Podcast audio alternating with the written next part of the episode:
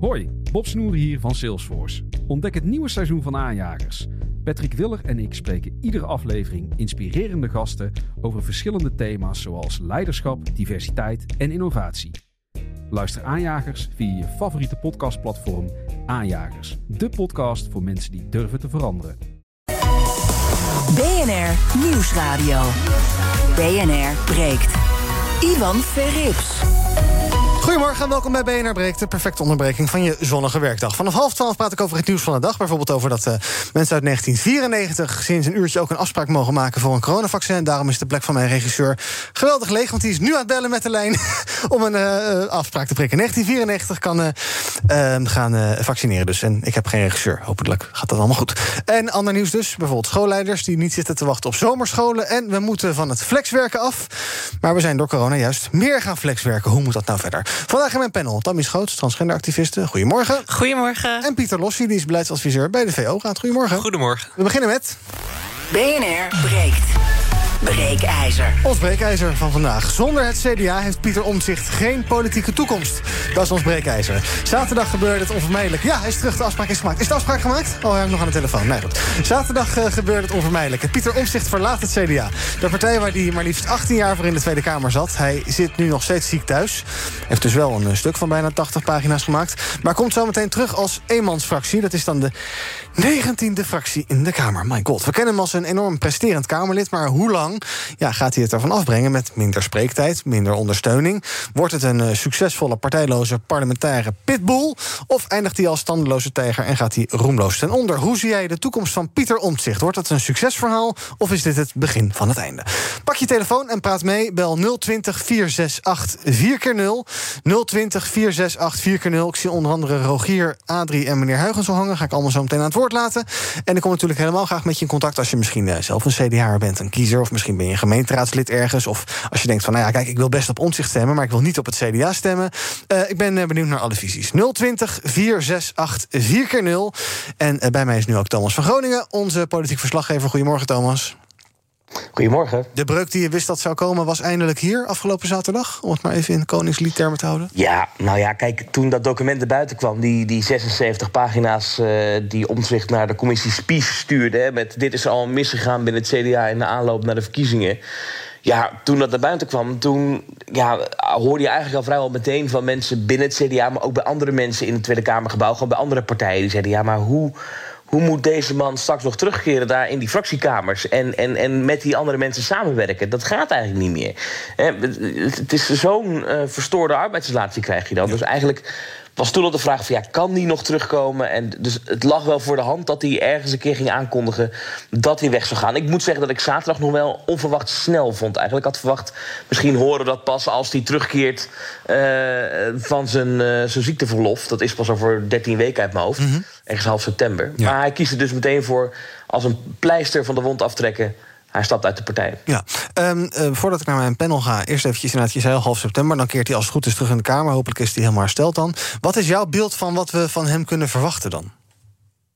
Nou ja, je zei het net al, kijk, hij is een afsplitser. En als afsplitser krijg je te maken met, met, met nieuwe regels. Je komt dan als een, niet als een fractie, maar als een groep. Uh, kom je dan in de, uh, in de Kamer. Beetje straf, dan krijg je de helft van de spreektijd.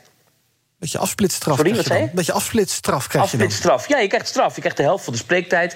Je hebt ook minder financiële ondersteuning. Dus je, je, je, hebt, je kan, het is moeilijker om medewerkers te, te werven als eenmansfractie. Um, en uh, ja, daar zal hij wel last van hebben. We weten dat Omtzigt vaak nu al spreektijd tekort kwam. Uh, als hij dan in een debat aan het woord was, dan ging hij vaak over de tijd heen. Nou, wat er dan kan gebeuren, is dat andere partijen interrupties aan hem besteden. Hè, dus dat ze hem vragen gaan stellen, dan krijgt hij meer tijd. Um, en hij kan zich natuurlijk volledig storten op wetgevingsoverleggen. Daar heb je dan die beperking in spreektijd niet. Maar ja, hij gaat natuurlijk wel daar wat van merken. Wat interessant wordt om te zien is, kijk, we hebben het verleden een aantal keer gezien dat iemand zich afsplitste van een uh, partij en dan uh, zelf verder ging. En dan vaak kwam dan de ambitie om zelf ook een partij te beginnen. En dat is eigenlijk, als je gaat kijken nu in de Kamer, twee keer goed gegaan. Nou, bij Geert Wilders, die wegging bij de VVD. Nou, dat is, kan je zeggen, best wel aardig succes geworden. En uh, bij Denk is het gelukt. Dat is van een partij die, ook al is het niet groot... dat is toch een partij die waarschijnlijk wel here to stay is. Maar het is bijvoorbeeld ook wel eens misgegaan bij Rita Verdonk... die opstapte bij de VVD. En toen dacht ik, ga ook een eigen partij beginnen. En waar is Rita Verdonk nu, kunnen we zeggen. Dus dat wordt interessant. Gaat hij voor die stap om een eigen partij te beginnen of niet? Ik vraag het me af, want ik denk dat hij slim genoeg is om te weten... dat dat heel moeilijk is. Ja, of heeft hij dus wel de goede papieren? Nou, we gaan erover praten. Wil je meepraten? 020 468 4x0. Pak je telefoon, ons breekijzer is... zonder het CDA heeft Pieter Omzicht geen politieke toekomst. 020 468 4x0. Tammy, wat denk je? Nou, ik wilde eigenlijk de stelling omdraaien. Want nee, ik denk... vrijdag al gedaan. oh jee. nou, maar ik denk gewoon überhaupt dat het CDA niet, niet een toekomst heeft zonder Pieter Omzicht. Want wat je gewoon ziet is, hè, na die grote afstraffing in 2010... dat ze naar 21 zetels gingen en verder zakten naar 13 zetels in 2012... zie je dat ze een veel specifiekere koers zijn uh, gaan varen. Dus dit is hartstikke logisch. Zeg maar. Dus het CDA is veel meer op een rechtsconservatieve koers gaan zitten. En dan kan je mensen die gewoon meer dat sociale hebben, zoals Pieter Omzicht, gewoon niet meer in die partij houden. Dus ik denk dat dit gewoon een hele logische stap is. En dat gewoon die flank van het CDA een eigen partij begint. Omdat onder de partijdiscipline en de koers die ze nu voeren bij het CDA, dat ze daar, dat, dat soort stemmen gewoon niet meer adequaat naar de voorgrond kunnen ja, komen. Dus jij verwacht wel dat er misschien meer mensen mee stappen, misschien ook lokaal of, of provinciaal, die, die zich meer met Pieter Omzicht verwant voelen dan met uh, uh, Hoekstra. Dat denk ik ook. En het geeft natuurlijk wel antwoord op het feit: gaat Pieter Omzicht het redden? Natuurlijk gaat hij het redden, want hij neemt natuurlijk gewoon al een politieke stroming met zich mee die heel uh, al zeg maar ontwikkeld is binnen dat CDA, maar gewoon niet tot uiting kan komen. Ik sprak een paar mensen die ook op de lijst stonden voor het, voor het CDA. En sommigen zeggen ook, ja, ik vind dat we een veel socialere koers zouden moeten voeren, veel meer op recht staat. Dus ik hoorde al wel een paar geluiden dat mensen niet blij zijn met die rechtsconservatieve koers. Ja, ik zag ze ook voorbij komen op Twitter onder andere. Mm -hmm.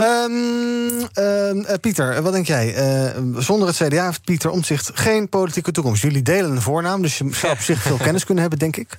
Van ja, dat denk ik ook. Kijk, als je kijkt naar de, de politieke geschiedenis van afsplitsers, dan is de succes, succesfactor eigenlijk heel erg afhankelijk van vorm en inhoud. En qua vorm uh, zit het Pieter om zich zeker mee. Ik bedoel, bijna heel Nederland uh, kent die held van de uh, toeslagenaffaire. Mm -hmm. en ik denk eigenlijk ook dat Pieter Omtzigt het mee heeft qua inhoud. Want als je kijkt naar de PVV en Denk, wat afsplitsers zijn, dan zie je duidelijk dat die partijen één bepaald thema heel erg geklemd hebben en eigen hebben gemaakt. En uit heel veel politicologisch onderzoek blijkt dat dat ontzettend belangrijk is. En Pieter Omtzigt heeft natuurlijk uh, het hele sociale contract en die nieuwe overheid uh, ook eigen gemaakt. -hmm. Uh, en daarbij las ik ook in de memo dat hij niet alleen bezwaar had op de vorm en de personen uh, binnen het CDA. Maar dat hij ook uh, zei dat, dat Hoekstra vaak begint over het eerlijke verhaal. maar dat dat eerlijke verhaal ook daadwerkelijk een invulling moet krijgen. En dat bijvoorbeeld het CDA eerlijk moet gaan zijn over de noodzakelijke transformatie in de veehouderij. Dus ik denk dat hij zowel qua inhoud als vorm eigenlijk pluspunten heeft om een succes uh, te zijn. Ja. Ik ga een rondje bellers doen, kijken wat onze luisteraars van vinden. Rogier, goedemorgen. Goedemorgen. Zeg het maar. Uh, Ivan, uh, goedemorgen. En uh, de panel ook. even twee kanttekeningen bij wat er gezegd is. ten eerste, ik ben fan van BNR. Ik heb mevrouw Verdonk in een eerdere uitzending hoorde ontraden dat Omzicht een eigen partij moet beginnen. En als hij voor medewerkers geld wil hebben, dan zou hij toch even die sponsors moeten benaderen. Maar dat terzijde. Mm -hmm. Um, uh, ten eerste, die partij moet zich als de bliksem uh, opheffen, want uh, deze schandalen die zijn zo cruciaal dat dat, daar, daar, dat, dat, dat wordt een vulkaan. Maar daarnaast, de, de um, verkiezingsuitslagen, na alle schandalen die naar boven zijn gekomen, die zijn gewoon niet meer geldig, want daar beroepen ze zich steeds op, vooral de Rutte, de eeuwige eunuch. Maar die zijn helemaal niet meer geldig. Laten we nieuwe verkiezingen houden, want ik weet zeker dat er heel anders gestemd gaat worden. En uh, daar moeten we om te beginnen de, uh, de nieuwe politiek een uh, richting mee insturen. Duidelijk, dankjewel. Nou, we zijn denk ik nog wel ver bij nieuwe verkiezingen vandaan, maar het, het oproep is duidelijk. Adrie, goedemorgen. Ja. Goedemorgen. Nou, er, er, is al een half jaar om, dus we hebben nog drieënhalf jaar, om het zo te zeggen. Mm -hmm. Maar Piet, Pieter Omtzigt zal het zeker redden. En hij heeft toch medestanders in de Kamer, mevrouw Simons, dat klinkt gek, en mevrouw Van der Plas. Mm -hmm. Die zijn sociaal gericht. En uh, tegen die tweedeling, dat is Pieter Omzicht ook. Ja. En ze zullen op ruimte, ruimtelijke ordening... zullen die drie partijen heel de koers gaan bepalen. Ja. ja, kijk, er zijn 150 Kamerleden en het worden niet meer of het worden niet minder. Nee. Kijk, het, het, spel, het spel van die partijen op zich, dat is uitgespeeld. En, en het, al, al, al, heb je, al heb je 30 partijen, dan komt iedereen aan bod en iedereen krijgt een woning en een betaalbare woning. Oh. En je, er wordt overeenkomst eh, gesloten met, eh, met de agrariërs. Mhm. En er komt een mooi gemiddelde komt eruit. En je moet blij zijn dat dit gebeurd is. Want de kwade genius, die blijft buiten schot. Dat was mevrouw Jorritsma. Ja, daar hoor je geen moer over, want die, die had die drie bij elkaar ge- gezet. Terwijl zelfs, zelfs meneer Rutte was voor sociale woningbouw. eh Keizer. En, en dan eh, Pieter Omtzigt was voor sociale woningbouw. Ja. Nou, mevrouw, mevrouw, eh, mevrouw, eh, hoe heet ze nou? Jorritsma, die leest, die leest echt niet de strijdkreet of de, de, de, de, landtoren. Die leest alleen maar de quote. Ja, ik snap het wel. Dankjewel, Adrie, voor het bellen. En mevrouw Jorisma is blijkbaar de kwade genius achter alles. Eh, ik hoorde net Thomas al eventjes over omzicht stijl. Die is natuurlijk eh, eh, inhoudelijk eh, eh, eh, bikkelhard. Maar hij is ook heel niets ontziend en, en eh, hard. En het is aan de ene kant misschien geen publiekslieveling... en toch weer wel een enorme wel een publiekslieveling. Hoe, hoe, hoe schat jij dat in? Zo. Oh, sorry. Ja. Nee, ja, kijk. eh, nou ja, we moeten ook niet eh, Pieter Omtzigt een beetje overschatten. Hè. Er wordt net gedaan alsof hij het Kamerlid der Kamerleden is. En dat er nog nooit een beter Kamerlid is geweest dan Pieter Omtzigt. En natuurlijk heeft de man een aardig track record... maar hij heeft ook bijvoorbeeld fouten gemaakt. Het MA17-dossier, daar is hij destijds door zijn eigen fractie van afgehaald. Daar heeft hij wel degelijk fouten gemaakt. Dus het is niet dat het alleen maar een oneindige stoet aan successen is bij, bij Pieter Omtzigt. Ehm, of die een publiekslieveling zal blijven, blij, eh, blijven, ja, dat moet nog blijken. Eenmansfracties hebben het zwaar in zo'n Kamer. Het is best moeilijk. Het wordt keuzes maken. Welke onderwerpen kan die wel gaan doen? Welke onderwerpen kan die niet gaan doen? Ehm, eh, dus dat zal echt wel een, een, een pittige discussie worden voor hem. En wat denk ik ook lastig wordt voor hem... is dat zijn partij, het CDA, nu eigenlijk wel vrij spel heeft... om gewoon te gaan formeren in een kabinet... waar Mark Rutte de premier van is. We weten dat Omtzigt daar geen fan van was. Maar ja, goed, hij stapt nu uit die fractie. En het CDA is natuurlijk alles aan gelegen om nu wel in die formatie te laten lukken. Want als er nieuwe verkiezingen komen, de laatste peiling van Maurice de Hond. Uh, peilden ze nog op acht zetels. Ja. Dat zijn er zeven minder dan nu. Kortom, die willen doorzetten. En dan wordt het wel opmerkelijk, want dan moet zo'n omzicht in de Kamer als onafhankelijk Kamerlid. Ja, gaat hij dan de hele tijd Rutte aanvallen of wat gaat hij dan doen? Dus ja, vanaf half september zullen we het weten wat, wat zijn nieuwe stijl en zijn nieuwe ja, bereik wordt als Kamerlid. Dan ik hoorde een van de bellers eh, een eh illuster di- duo, eh, trio schetsen. Simons van der Plas en Omtzigt. Zie jij overeenkomsten? Nou, wat ik wel heel interessant vind, is inderdaad dat je ook als kleine partij, en zeker vanuit bijeen, hè, waarvan we toch allemaal dachten van, oh ja, dat gaat een one-issue partij worden, dat ze zich ook ontpopt als hele goede samenwerker. En ook dat Sylv Sylvana Simons dan, en ook hè, dat het gaat over rechtsstaat en zo, en dat dit soort onderwerpen heel goed ter sprake komen. Dus ik ben wel blij. Kijk, natuurlijk gaat het qua werkdruk, als eenmansfractie is het natuurlijk heel moeilijk. Maar ik denk de manier hoe je je kan profileren is denk ik veel groter dan binnen zo'n partij. En ik denk dat dat. Ik ben ook wel heel benieuwd wat er dan gaat komen uit omzicht. Ja. Als hij die vrijheid heeft. Ja. We gaan er nog een paar bellers doen. Wil je ook reageren? Ons breekijzer vandaag is... zonder het CDA heeft Pieter Omtzigt geen politieke toeko- toekomst. Thomas, wil jij, moet jij weg of niet? Oh, ik begreep dat je weg moet. Oh. Ja, Thomas, jij moet weg, geloof ik. Oké, eh, Thomas, dankjewel. Eh dan gaan we nu nog even naar die bellers toe. Eh, meneer Huygens, goedemorgen. Ja, goedemorgen. Of die, of die toekomst heeft onder zich alleen is natuurlijk heel moeilijk. Maar laat nou al die nieuwe partijtjes, Ja. die partijtjes, jong bloed, nieuw bloed, zo goed mogelijk elkaar opzoeken. Ja. En dan komt er altijd wel een woordvoerder uit, als uh, omzicht natuurlijk zijn, zijn sterk punt namens die kleine kan doen. En omgekeerd, dus laat het nieuw bloed elkaar zo goed mogelijk ondersteunen en zo goed mogelijk. Dan komt er misschien iets te terecht van, eh, van wat daar voor nieuw bloed bij moet komen. Duidelijk, dankjewel. Jan, goedemorgen. Ja, goedemorgen. Zeg het Ja, maar. ik denk ook dat Omzicht het alleen niet gaat redden. Het Omzicht eh, heeft natuurlijk ook wel dingen die misschien niet helemaal goed zijn, zoals elke politici dat wel heeft. Maar ik denk als hij een samenwerking zou doen met eh, bijvoorbeeld een Eerdmans of een Van Haga, en dat ze dan samen één partij gaan vormen, dat ze dan wel kans hebben op 40 ze- zetels. En ik ben het ook mee eens dat we eigenlijk nieuwe verkiezingen moeten hebben, want eh, het hele land is niet meer zo voor het kabinet eh, wat ze nu van plan zijn, denk ik. Ja, ja, ja. En, en dat, eh, en dat eh, Omtzigt en Eertmans en Van Haga... en dan doen we ook Simons en Van der Plas erbij... Dan, dat dat toch een beetje een soort bond, bond ja, quintet wordt dat inmiddels is... die inhoudelijk misschien niet helemaal op één lijn liggen, dat is, dat is geen probleem? Nou, kijk, je moet compromis insluiten. Hè? Dus Mhm. kijk, je, je kunt niet altijd je eigen zin hebben. Dus als je een compromis sluit, en dan is er altijd een compromis eh, eh, te, maken. Kijk, je moet niet van tevoren elkaar uitsluiten zoals die grote partijen doen, want die denken dat ze het alleen recht hebben. Dus compromis sluiten. En dus, je mag ook in die partij mag je ook tegenstemmen als je het niet mee eens bent. Dus je bent altijd vrij om dan, als er een stemming zou zijn, zo van ik ben het daar toch niet met mijn partij, stem ik tegen. Dus dat zie ik geen probleem in. Ah, ik zie Tammy kritisch eh, de hoofd schudden. Nou ja, als je binnen een partij nee mag, mag stemmen, volgens mij is dat niet helemaal zo. Want die zware partijdiscipline, die, die behoed je daarvan. Zeker als je in zo'n eh, zo'n partij zit die meeregeert. Dus volgens mij klopt dat niet helemaal. Volgens mij zie je daarom ook juist al die afsplitsers. Toch doordat er gewoon zo'n zware partijdiscipline is, dat mensen het gewoon niet meer met hun eigen normen en waarden kunnen. eh, Moeten we daar niet ook een beetje vanaf, Pieter? Want eh, we, we hebben het steeds over partijen. Dat is ook allemaal logisch hoor, dat mensen zich natuurlijk in partijen... maar het zijn natuurlijk gewoon 150 volks, volksvertegenwoordigers. Klopt. Ja, eh, eh, wij doen nu moeilijk over 19, een 19e partij zou dat dan zijn. Ja, eh, wat Tammy zegt, de, de partijdiscipline. Ja, kijk, eh, vind ik dubbel. Want enerzijds, eh, eh, in, de, in de grondwet is er eigenlijk niet zoiets als een partij. Spreekt men inderdaad over individuele Kamerleden. En ik denk dat het heel goed is voor ook de nieuwe bestuurscultuur... dat individuele Kamerleden een bepaalde mate van vrijheid ervaren. Tegelijkertijd, wat je juist ook in die nieuwe bestuurscultuur wil... is een betere controle van de coalitie. Dat, dat dualisme. Op het moment dat je allemaal individuen krijgt in zo'n Kamer... dan eh, moet bij wijze van spreken elk individu... eh, eh, meer dan tien ministers controleren. Juist het voordeel van wat, wat grotere fracties... is dat je dat beter kan verdelen... en dat je echt in, in samenhang door die krachten te bundelen... goed verdeeld op verschillende dossiers... de coalitie kan controleren. Dus ja, dat is voor mij echt een, een dubbele. BNR breekt. Ivan Verrips.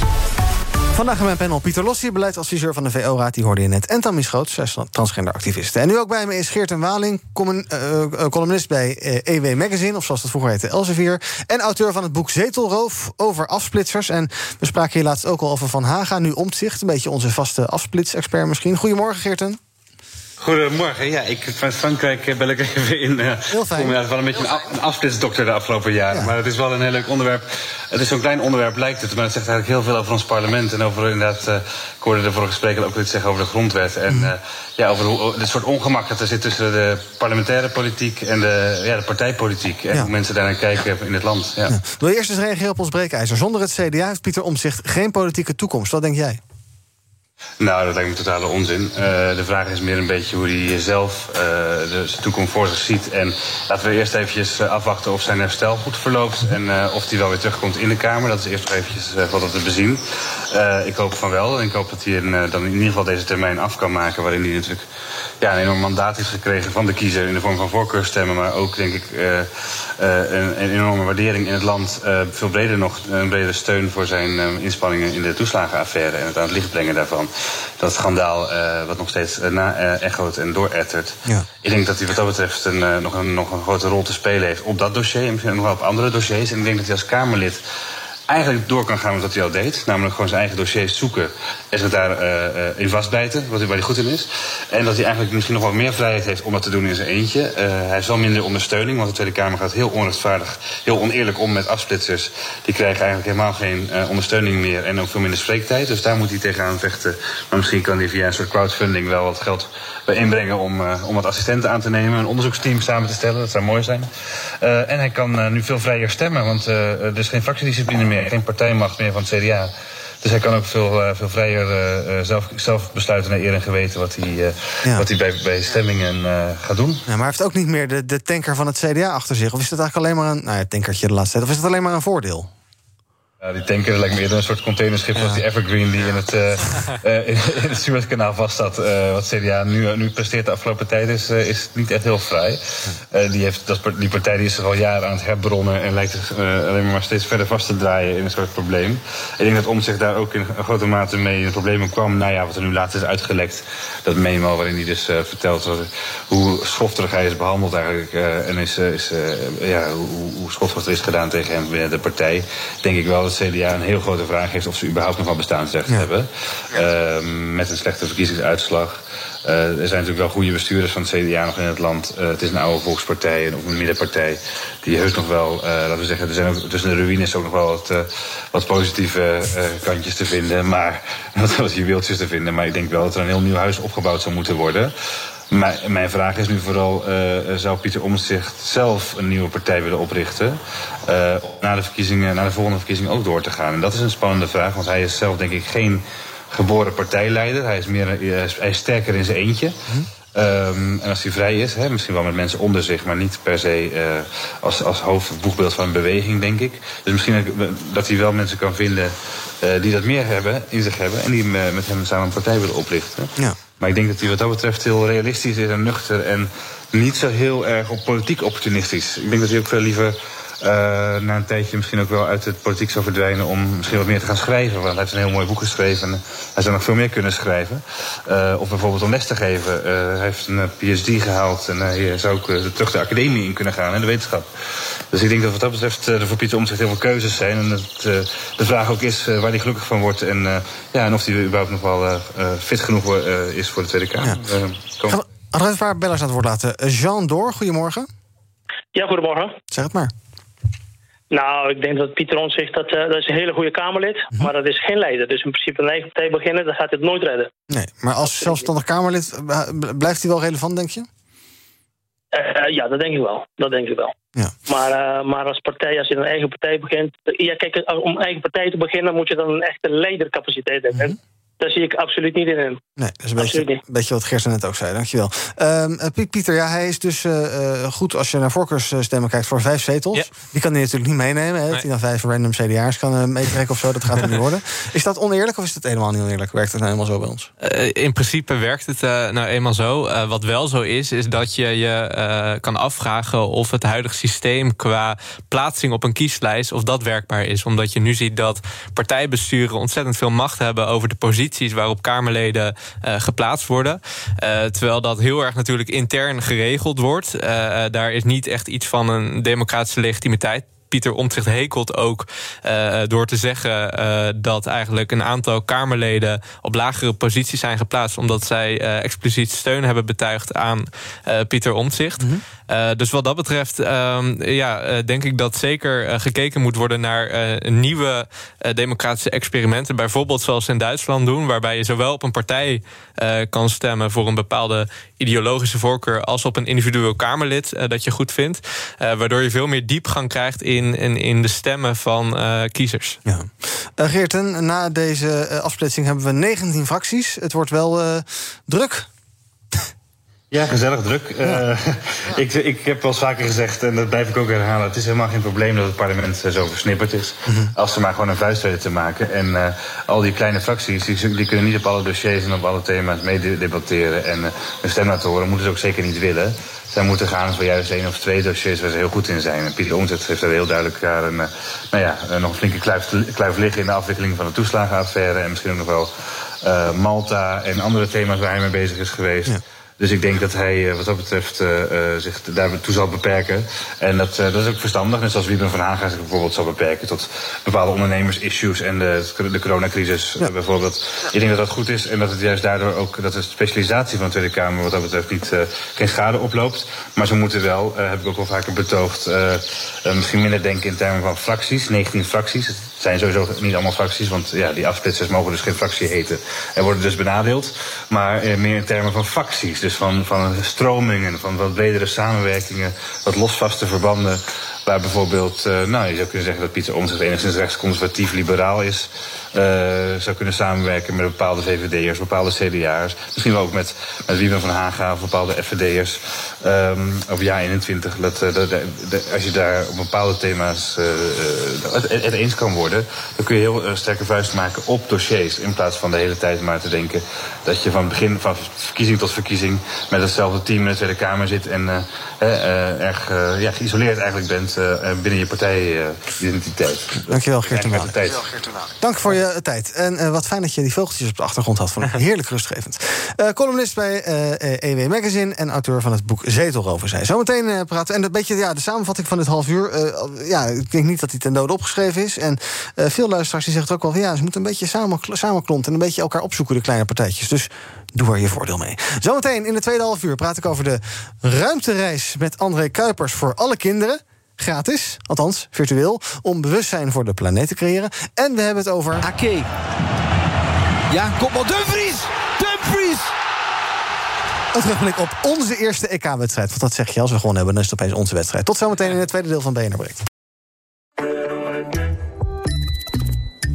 Het Eneco Klimaatreport van deze week komt uit Amsterdam. Ik ben Pascal en ik sta hier met de oprichter van Wikkelhuis op de werkplaats. Oep, wat zie ik hier? Ja, je ziet allemaal huisjes. En welke rol speelt energie-efficiëntie in jullie ontwerp- en bouwproces? We bouwen alleen maar met hernieuwbare materialen. Maar het leukste is dat we eigenlijk eh, zonne-energie gebruiken voor onze elektriciteit. We hebben duizend zonnepanelen op ons dak van de werkplaats. Duizend zonnepanelen, dat zijn er een hoop. Ik kan me voorstellen dat er eh, veel stroom vanaf komt. Ja, er komt een enorme bak met stroom uit. En soms in de zomer is dat ook te veel. En daarom werken we samen met eh, Eneco, met het eh opwek optimaal systeem. En wat doet dat eh, systeem? Een soort dimmer, dat als er te veel stroom is, dat je dat zeg maar wat terug eh, reguleert, zodat er geen netcongestie ontstaat, want dan zou alles eh, vastlopen. Eh, juiste balans op het energienetwerk. Ja, precies.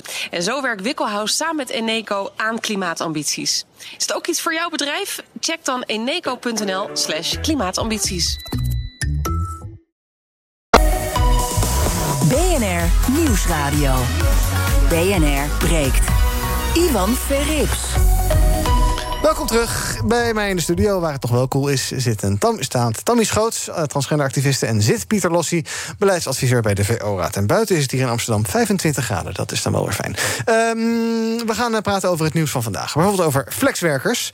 Want het aantal mensen in flexcontracten... is in het afgelopen coronajaar toegenomen. En dat terwijl we er toch juist vanaf moesten... volgens eh, ongeveer iedereen, bijvoorbeeld ook de commissie Borstlab.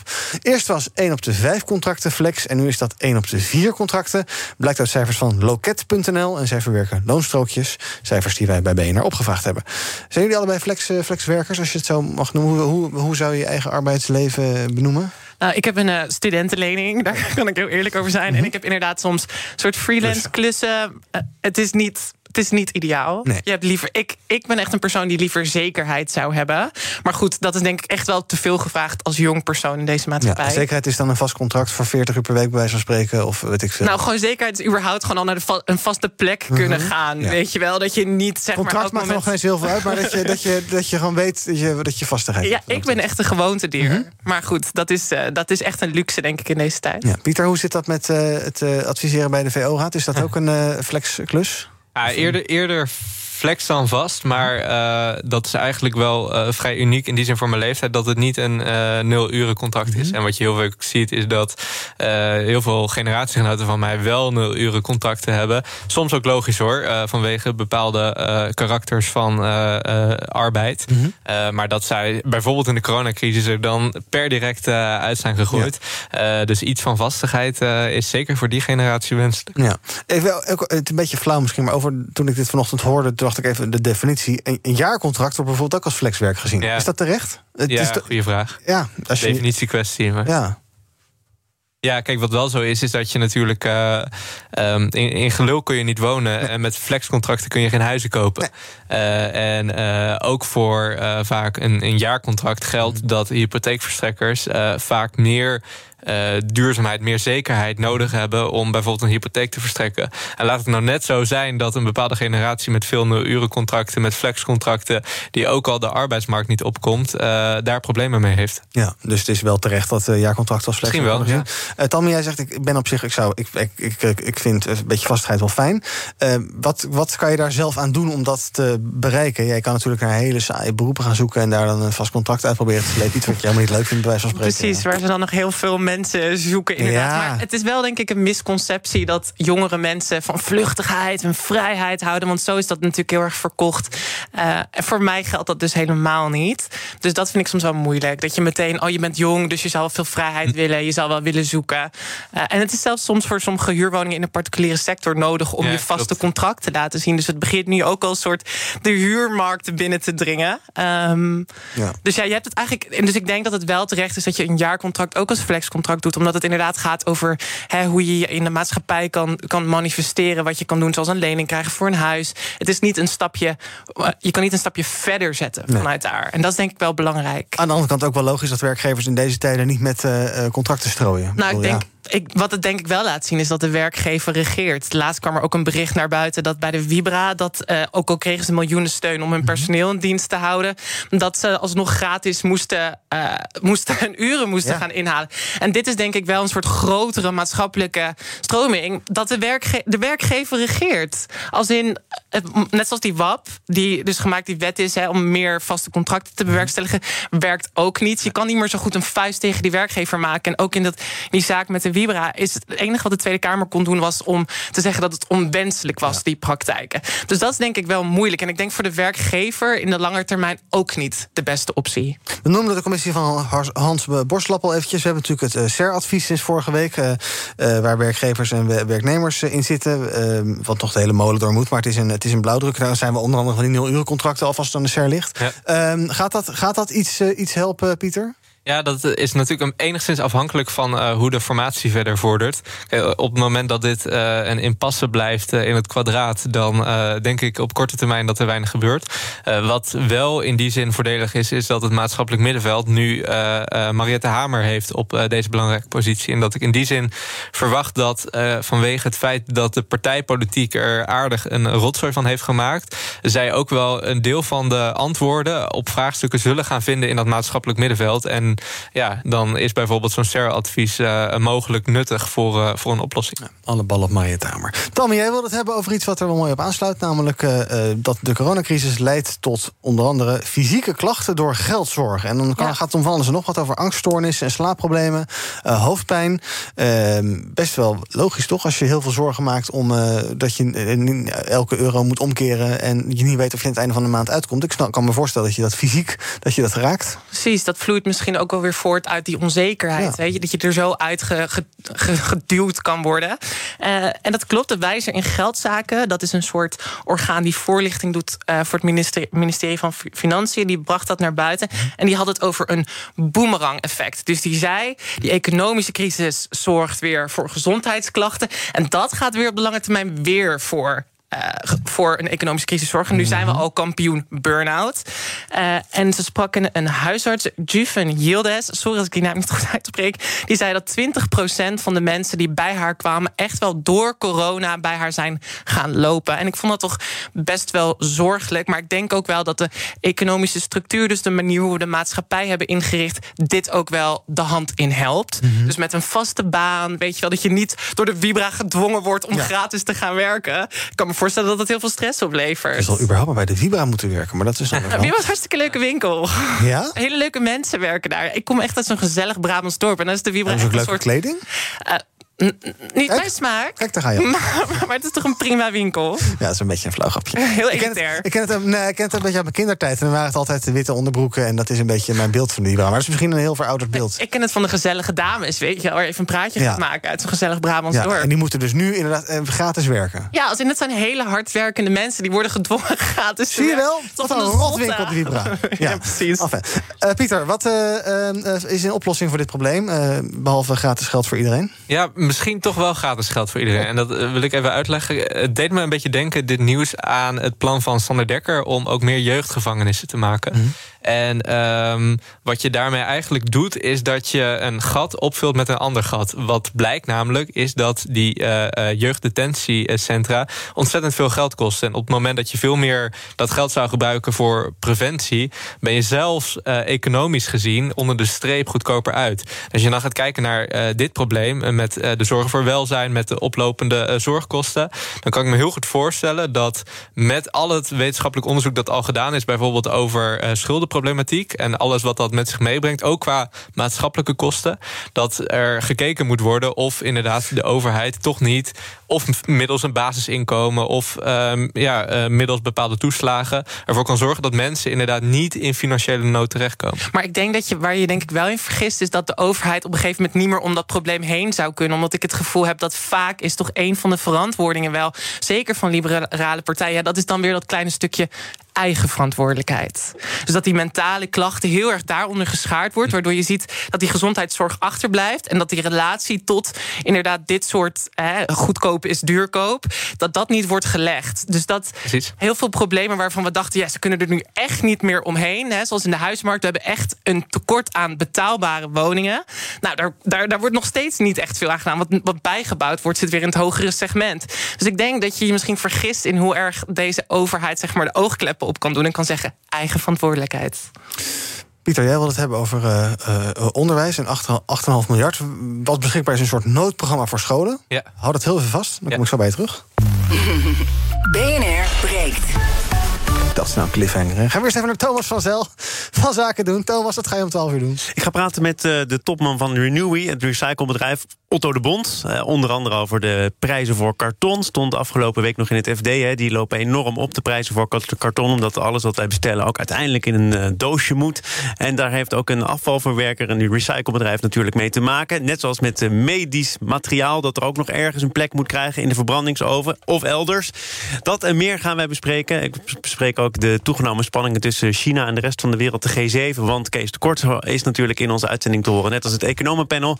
En de Nederlandse Bank komt om 12 uur met ramingen. De verwachtingen van de economische groei de komende tijd. En ja, het is ons gelukt om 5 over 12 daarover te spreken met een directeur van de Nederlandse Bank. Kijk. Spannend, hè? Bovenop op het nieuws. Zo is het. Zaken doen met Thomas, zometeen om 12 uur.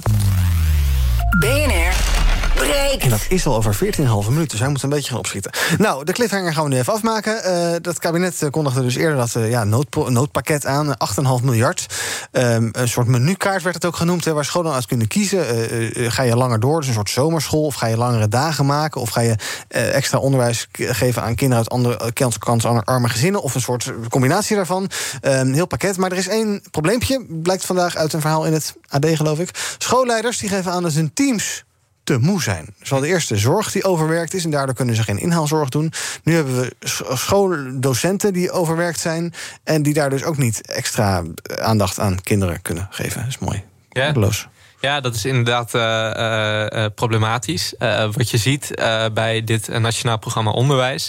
is dat het ehm, een geldbedrag is dat redelijk explosief... Mm. uit het niets bij het onderwijsveld is neergelegd. En het is ontzettend fijn dat er geld is vrijgemaakt. En het is ook ontzettend fijn dat nou, scholen zelf de keuze kunnen maken... voor waar zij dat geld in willen investeren. Mm. Feit is wel inderdaad dat bijvoorbeeld veel scholen aangeven... geen tijd en, en energie te hebben om bijvoorbeeld extra lange lesdagen en, en extra zomerscholen uh, te organiseren.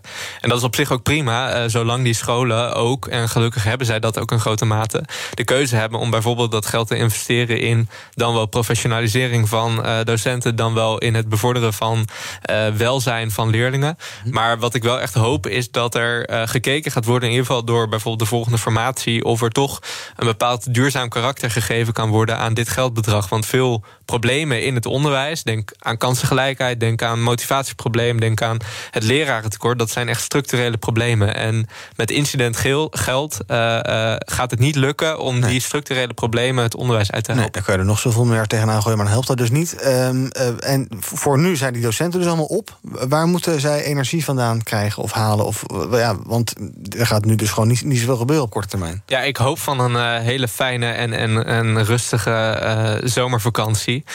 En zorg ook in die zin dat dat geld wordt ingezet om uh, die teams te ontlasten. En dat kan bijvoorbeeld door uh, klassen te verkleinen. Dat kan door bijvoorbeeld inderdaad middagen te organiseren voor professionalisering. Die ruimte is op zich aanwezig in dat Nationaal Programma Onderwijs. Maar wil je dat structureel doen, dan zal dat geld ook een ander karakter moeten krijgen. Ja, er was natuurlijk veel te doen om dat geld. er zou ook niet echt een plan liggen. En, die, en dat menukaart, er was ook wel een soort van kritiek op van joh, je zoekt er maar uit als school zijnde. Is dat ook uh, kritiek die je herkent vanuit de VO-raad? Um, dat ja, dat geld is er dan nu en uh, ja, wat nu? Nou, ik denk dat. Want dat scholen... zeggen ook allerlei in, de, in, de, uh, sorry, in het onderzoek van Duo zeggen ook allerlei schoolleiders dat van ja, uh, het is er nu wel, maar uh, ja. Nee, ik, ik, denk misschien deels eens, maar uh, ik denk dat ook heel veel uh, scholen dat geld wel nuttig kunnen gebruiken. En ook juist het maatwerk lokaal kunnen leveren om uh, dat geld goed te besteden. Wat wel dus zo is, is dat die scholen graag investeringen willen doen die op langer termijn houdbaar zijn. En zeker investeringen in het kader van bijvoorbeeld krimp, dus leerlingenaantallen die, die dalen.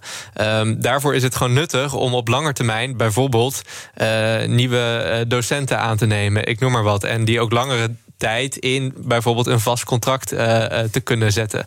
En dat kan nu niet. Dus ik hoop dat scholen zo goed mogelijk ja, alsnog effectief dat geld kunnen besteden. Maar ik vind het jammer dat met name het ministerie van Financiën ervoor heeft gezorgd dat die looptijd van die 8,5 miljard echt zeer gereduceerd is. Ja. Twee jaar geloof ik, hè? Ja. jaar of zoiets. Ja. Tom, ik zie jou heftig instemmend klikken, knikken. Dat is goed nieuws. Um, toch?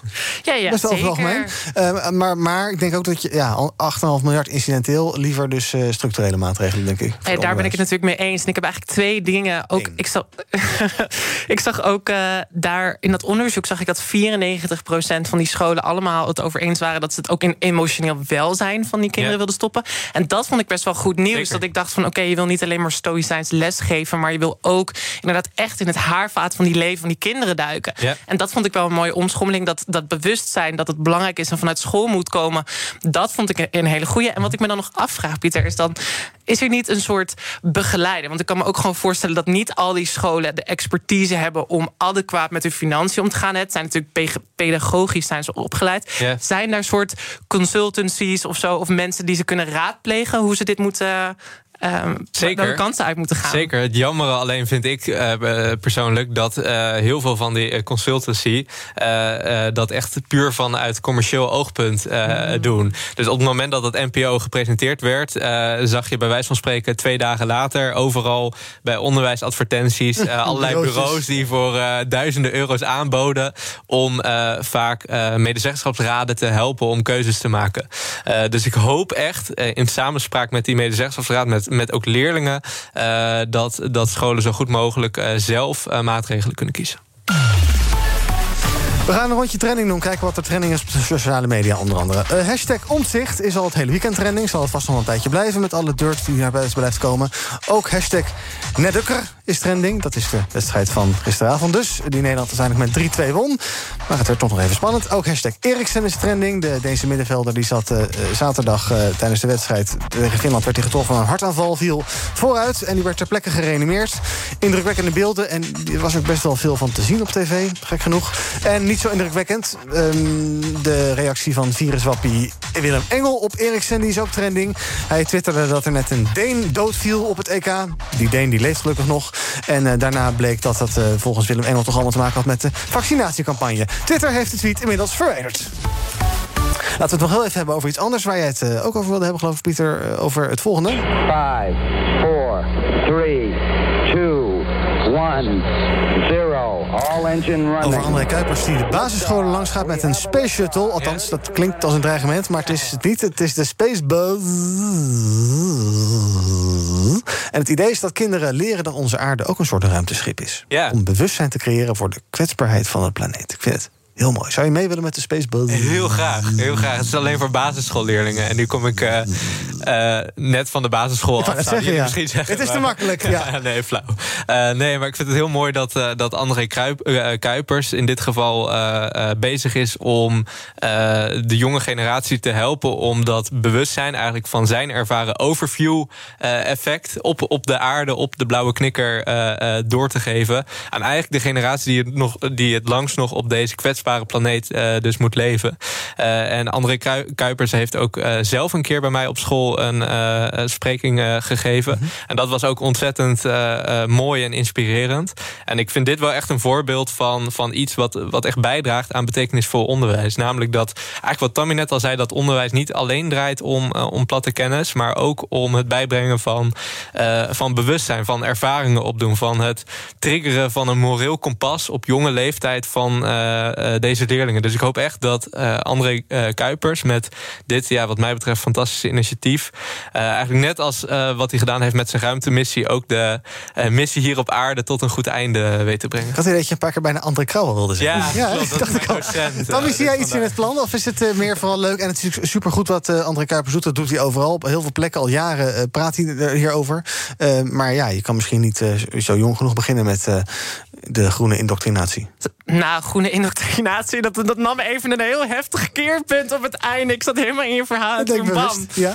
Um, nou ja, voor mij was het natuurlijk ook een kleine meisjesdroom om zo de ruimte in te gaan. En ik denk inderdaad, wat je niet moet onderschatten, is de impact die het maakt op die kinderen. Want net zoals Pieter heb ik ook les gekregen van. Uh, ja? Ja, ik heb. Wie ben ik de enige die andere, les heeft van andere Ja, op een gegeven moment was dat heel hip en toen ging je al die oh. scholen langs. Um, en het is inderdaad de impact die dat heeft op die kinderen en die dan zien. Want kijk, die groene indoctrinatie is, geen is niet normatief. Mhm. Het is de realiteit. En als je dat gaat zien hè, van bovenaf, tenminste in, dat, uh, in, die, in die omgeving, dan die digitale omgeving, dan, dan, dan breng je ze dat bewustzijn bij. En dan wapen je ze ook tegen misinformatie hierover. Dus dat is denk ik heel erg belangrijk. Ik heb wel gastles gehad van André Krabbel. Dat hoor. Ake. Ja, kom maar. Dumfries! Denzel Dumfries, de winnende goal uh, tegen Oekraïne. 5,5 miljoen mensen hebben gisteren gekeken hoe Nederland voor het eerst in zeven jaar weer meedoet op een groot toernooi. En het uh, was een uh, spectaculaire wedstrijd. 3-2. Hebben jullie gekeken? Ja. Nee, niet Tammy, je mag nee zeggen hoor. Nee, ik heb niet gekeken. Nee, heel goed. Had jij een hele eh, oranje outfits en zo aan, dat soort dingen? totaal niet. Nee, ik lig er echt geen eh, seconde langer wakker door... op het moment dat ze verloren zouden hebben. Mhm. Maar ja, voor amusementdoeleinden ja. toch uh, leuk. Volgende wedstrijd is donderdag, geloof ik, of zo? Kan Zoiets, ja. Dan ga je weer kijken? ja. Dan ga je weer niet kijken, dan. Nou, wat ik, leuk, wat ik leuker vind, is die verhalen achter die spelers. Dus Barbara Baarsma was bij WNL vanochtend... en die kon dat zo mooi vertellen. Ook hoe ze met haar uh, tijdschrift Helden heet dat, mhm. geloof ik. Zeg maar, die jongens helemaal in kaart brengt. En echt zo, zeg maar, een soort narratieven daaromheen spint. En ik denk dat het heel goed is uh, voor kleine jongetjes, kleine meisjes die nu opgroeien. om zich daaraan te kunnen spiegelen. En dat, dat vind ik denk ik nog wel mooier dan die wedstrijd. Om de verhalen achter die spelers ja. uh, te leren kennen. Barbara Barend is het trouwens. Oh, sorry. maakt niet uit. Ehm, gaan we het nog hebben over Willem Engel en Eriksen? Nee, daar gaan we het niet over hebben. Tot zover BNR Breekt voor vandaag. Dank dat jullie aanwezig waren. Pieter Lossi, die is beleidsadviseur van de VO-raad. En Tammy Schoot, transgender activiste. En morgen ben ik er weer. Tot die tijd kan je ons volgen op de socials op eh, Twitter, Instagram, YouTube. En nog steeds niet op TikTok. Wij gaan lekker de zon in. Zometeen kan je luisteren naar Zaken doen met Thomas van Zel. Dat kan ook vanuit de zon. Heel leuk. Tot morgen. Misschien op je nieuwe DHB Plus radio. Dat is leuk. Doei. Hoi, Bob Snoer hier van Salesforce. Ontdek het nieuwe seizoen van Aanjagers. Patrick Willer en ik spreken iedere aflevering inspirerende gasten over verschillende thema's zoals leiderschap, diversiteit en innovatie. Luister Aanjagers via je favoriete podcastplatform Aanjagers, de podcast voor mensen die durven te veranderen.